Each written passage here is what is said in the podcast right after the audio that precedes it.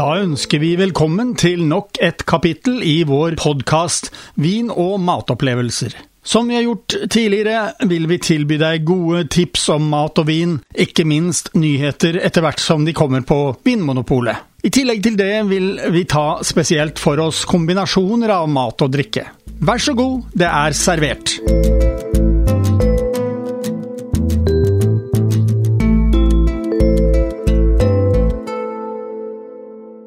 Selv om det regner i dag og er forholdsvis surt, er det noen som forteller meg at det fortsatt er sommer.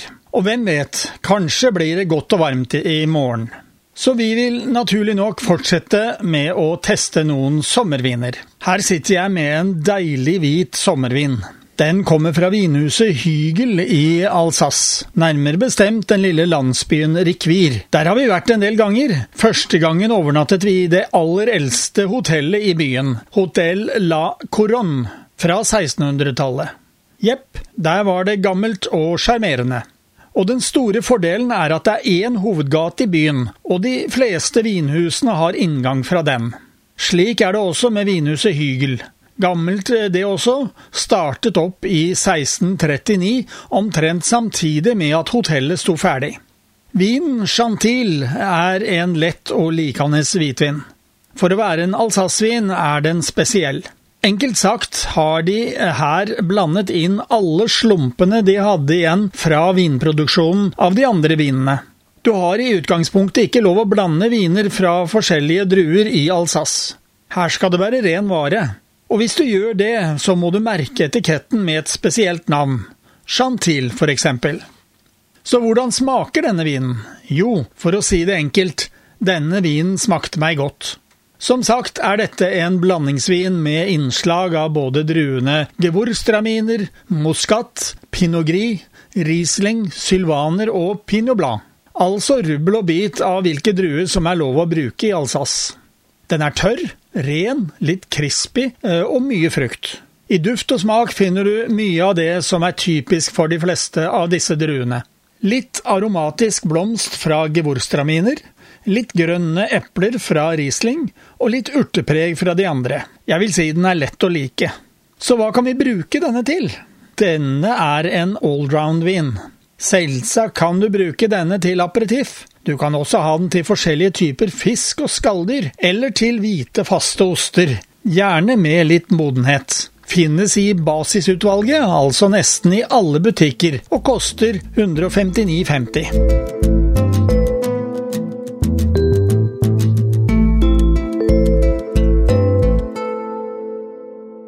Den neste vinen jeg har i glasset, har en middels dyp rosa farge. Det er rosévinen Beringer Sinfandel Rosé fra det nordlige Napa Valley i California. For alle som har sett vinfilmen The Bottle Shock, eller som den ble oversatt til norsk, Vin i vrangstrupen, så er denne vinen fra samme område som vinhuset i filmen finnes. Området Santa Helena.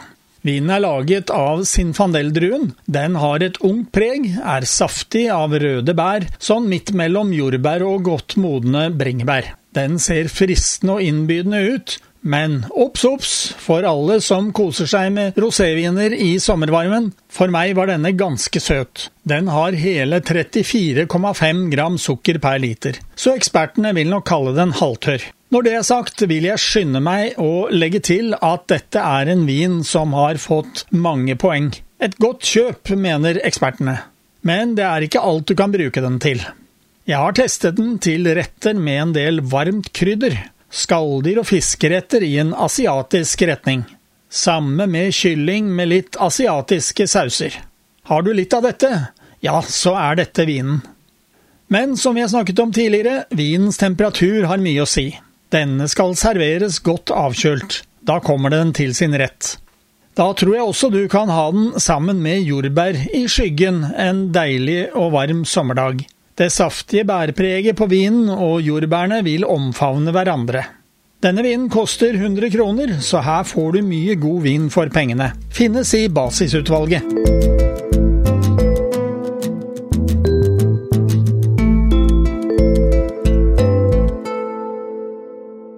Den neste vinen som har funnet veien til mitt glass, er rødvinen Riva Leone Barbera. Den kommer fra vinmarker i utkanten av byen Pavia i Lombardia i Italia. Og hvor er så det? Jo, ganske så rett sør for Milano. I mange år trodde jeg at Milano lå i Piemonte, men det var feil. Byen ligger i Lombardia. Dette er en bløt og saftig rødvin. Den er tørr, men av et godt fruktpreg tenker du lite på det.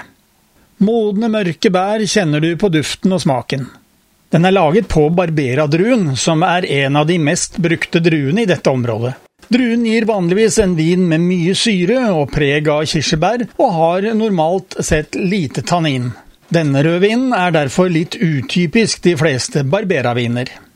Vinhuset tilhører et svært vinkonsortium, Mondo del Vino, som har sitt hovedkontor omtrent midtveis mellom Bologna og badebyen Rimini, som i perioder har vært ganske populært sted blant mange nordmenn.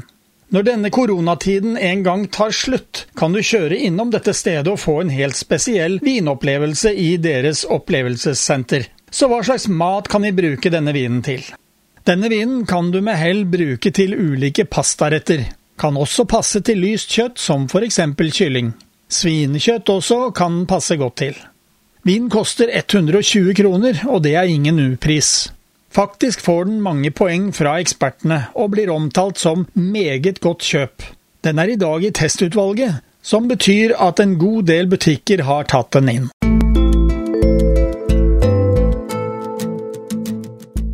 Har du fått dagens podkast fra Radio Riks Oslo om mat og vin. Hvis du ønsker å abonnere på den, slik at du får den automatisk når nye blir lagt ut, kan du gjøre det.